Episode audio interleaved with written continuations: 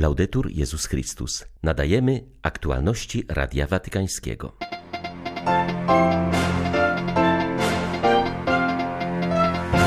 Ojcostwo i macierzyństwo to pełnia człowieczeństwa, przypomniał papież na audiencji ogólnej. Osoby, które z różnych powodów nie mogą mieć dzieci, zachęcił do adopcji. Świat zraniony przez pandemię musi powrócić do przesłania z Fatimy, bo niesie ono nadzieję i przypomina o potrzebie nawrócenia, uważa rektor tamtejszego sanktuarium. Badania prenatalne w 85% przypadków dają fałszywe wyniki. Dla wielu dzieci oznacza to wyrok śmierci, wynika z ujawnionych przez New York Timesa danych. 5 stycznia witają Państwa Krzysztof Brąk i Łukasz Sośniak. Zapraszamy na serwis informacyjny. Podczas audiencji ogólnej papież poruszył temat ojcostwa świętego Józefa. Zaznaczył, że ewangeliści przedstawiają go jako opiekuna Jezusa, nie zaś jego biologicznego ojca. Ojcostwo i macierzyństwo to pełnia życia człowieka i nie można ich porzucać bez konsekwencji. Osoby, które z różnych powodów nie mogą mieć dzieci, zachęcam do rozważenia adopcji powiedział papież. Franciszek zaznaczył, że żyjemy obecnie w epoce sieroctwa, które dotyka nawet dzieci mające pełne rodziny. Dzieje się tak dlatego, że wydanie na świat potomstwa nie czyni z ludzi od razu mamy i taty. Macierzyństwo i ojcostwo kształtują się poprzez odpowiedzialną troskę o dziecko i miłość mu okazywaną, powiedział papież. Nie wystarczy wydać dziecko na świat, by móc powiedzieć, że jesteśmy jego rodzicami. Nikt nie rodzi się ojcem, ale się nim staje. I nie staje się nim jedynie dlatego, że wydaje dziecko na świat, lecz dlatego, że podejmuje za nie odpowiedzialną troskę. Za każdym razem, gdy ktoś bierze odpowiedzialność za życie drugiego, w pewnym sensie sprawuje względem niego ojcostwo. Myślę szczególnie o tych wszystkich, którzy otwierają się na przyjęcie życia poprzez drogę adopcji. Józef pokazuje nam, że ten rodzaj więzi nie jest czymś drugorzędnym, nie jest środkiem awaryjnym. To jedna z najdoskonalszych form miłości oraz ojcostwa i macierzyństwa. Ileż dzieci na świecie czeka na kogoś, kto się o nie zatroszczy. Iluż małżonków pragnie być ojcami i matkami, ale nie może tego uczynić z powodów biologicznych, albo chociaż mają już dzieci, chcą dzielić się miłością rodzinną z tymi, którzy zostali jej pozbawieni. Franciszek podkreślił, że nie należy bać się posiadania dzieci, ponieważ ojcostwo i macierzyństwo to pełnia życia człowieka. Osoby, które nie mogą mieć własnego potomstwa, zachęcił do rozważenia adopcji. Zaznaczył, że wszelkie instytucje państwowe powinny taką procedurę ułatwiać, aby mogły spełnić się marzenia dzieci, które tęsknią za rodziną oraz pragnienia małżonków, którzy mają w sobie ogrom miłości i chcieliby się nią podzielić. Dzisiaj z tym powszechnym sieroctwem wiąże się egoizm. Mówiłem niedawno o zimie demograficznej, o tym, że ludzie nie chcą mieć dzieci, albo tylko jedno. Ale wiele par, choć nie chce mieć dzieci, ma jednak po dwa psy i koty.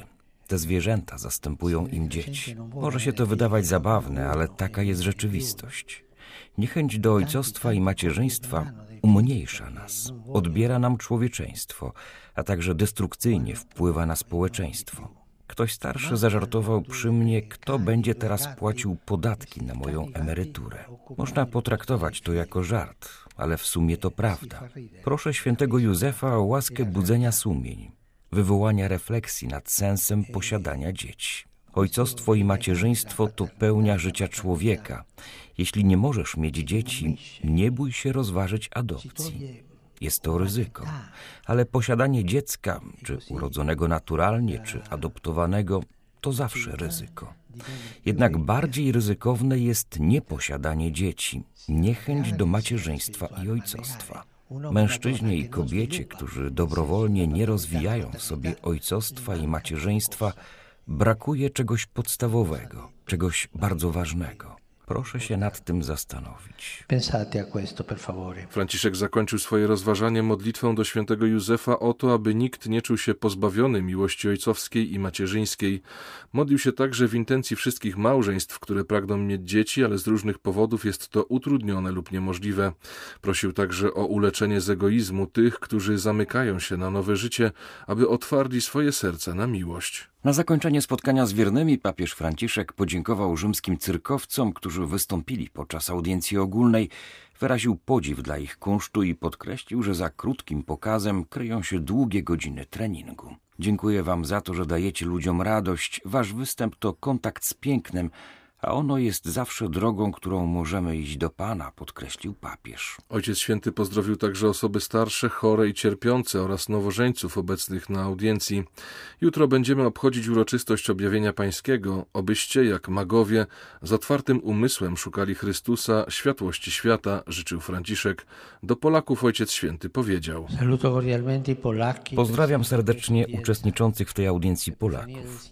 Uroczystość objawienia pańskiego, którą będziemy jutro jutro obchodzili, przypomina, że Bóg dla nas ludzi i dla naszego zbawienia stąpił z nieba.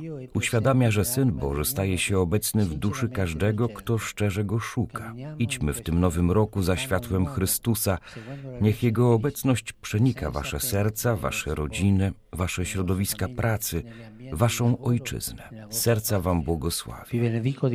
Podczas dzisiejszej audiencji po raz pierwszy pozdrowienia Ojca Świętego w różnych językach odczytywali nie tylko papiescy prałaci, ale także zakonnicy i świeccy pracujący w niektórych dykasteriach kurii rzymskiej. To zmiana, która od dziś obowiązywać będzie podczas audiencji ogólnych. W wieku 96 lat zmarł kardynał Francisco Alvarez Martinez, prymas senior Hiszpanii. Kardynałem mianował go Jan Paweł II w 2001 roku. Uczestniczył w konklawe, które wybrało Benedykta XVI. Kapłani, którzy posługują sanktuariach, najlepiej zdają sobie sprawę, jak wiele cierpienia wynikło z tej pandemii, mówi Radiu Watykańskiemu ksiądz Carlos Cabesinas, rektor sanktuarium maryjnego w Fatimie. Przyznaje, że pielgrzymi przynoszą do Maryi wielkie cierpienie, dlatego postanowiono zintensyfikować peregrinację figury Matki Bożej Fatimskiej. Świat potrzebuje jej przesłania, które daje nadzieję, ale zarazem wzywa do nawrócenia. Ksiądz Cabesinias zauważa, że pielgrzymi, którzy przybywają do Fatimy, często są dziś głęboko zranieni. Niektórzy stracili swoich bliskich, innym zawalił się cały świat. U Maryi szukają nadziei. Rektor portugalskiego sanktuarium przypomina, że figura peregrynującej Matki Bożej Fatimskiej została sporządzona według wskazówek siostry Łucji, której objawiła się Maryja. Dziś takich figur wyruszających z sanktuarium w świat jest trzynaście. W Fatimie jest to liczba szczególna, bo 13 dnia miesiąca Maryja ukazywała się dzieciom, przypomina ksiądz Cabesinias. Przed pandemią sanktuarium nie było w stanie zaspokoić oczekiwań wszystkich, którzy prosili o peregrinację figury Matki Bożej Fatimskiej. Teraz jest to możliwe, możemy nawet zwiększyć ich liczbę. Mamy nadzieję, że ten rok będzie czasem powrotu do tych peregrynacji, a tym samym do szerzenia przesłania Matki Bożej Fatimskiej. Nasze sanktuarium zawsze kładzie bowiem wielki nacisk na to, aby peregrynacja nie ograniczała się jedynie do wizyty figury, lecz by przy tej okazji przypomniano również wezwanie Matki Bożej do nawrócenia, do bardziej autentycznego życia chrześcijańskiego. Chodzi o to, by przyjąć to, co Maryja powiedziała dzieciom z Fatimy za ich pośrednictwem nam wszystkim. A Fatima e eh, per mezzo di loro a tutti noi. Śledztwo przeprowadzone przez dziennikarzy New York Timesa wykazało, że nawet 85% badań prenatalnych daje fałszywe wyniki, zawyżając lub zaniżając ryzyko wystąpienia wad rozwojowych u nienarodzonych dzieci, co może stanowić dla nich wyrok śmierci. Istnieje obawa, że rodzice, decydując się na aborcję, mogą nie mieć świadomości, że ich dziecko jest zupełnie zdrowe. Według amerykańskiego Stowarzyszenia Położników i Ginekologów Pro-Life kobiety w ciąży były wprowadzane w błąd. Mówiono im, że ich krew pobrana w pierwszym trymestrze pozwoli na wykrycie z niezwykłą dokładnością poważnych problemów genetycznych u ich nienarodzonych dzieci. Śledztwo dziennikarzy New York Timesa udowodniło, że firmy przeprowadzające badania okłamywały swoje klientki. Dodatkowo w wypadku złych wyników testów rodzice nie tylko nie otrzymywali koniecznego wsparcia przygotowującego ich do radzenia sobie z problemami zdrowotnymi ich dzieci, ale także żadnych informacji o możliwościach potencjalnego leczenia. Zamiast tego jako jedyne rozwiązanie oferowano im aborcję. Badania prenatalne mające wykrywać takie schorzenia jak zespół Downa są przeprowadzane od dziesięcioleci. Uznawane są za pewne i miarodajne. W niektórych krajach aż 95% nienarodzonych, u których zdiagnozowano te wady, wadę genetyczną, poddawanych jest aborcji. W ubiegłym roku aborcja była najczęstszą przyczyną zgonów na świecie. Odpowiada aż za 42% wszystkich śmierci. W 2020 roku zamordowano ponad 42 miliony nienarodzonych dzieci. Dla porównania w tym samym okresie na COVID zmarło 3,5 miliona ludzi. Od Bożego Narodzenia misjonarki miłosierdzia ściśle racjonują żywność i artykuły codziennego użytku dla swoich stałych 600 beneficjentów w domu macierzystym i sierocińców w Kalkucie. Związane jest to z decyzją rządu o ograniczeniu zagranicznych funduszy dla ich organizacji charytatywnej. To sposób na uniemożliwienie niezależnej pracy w Indiach.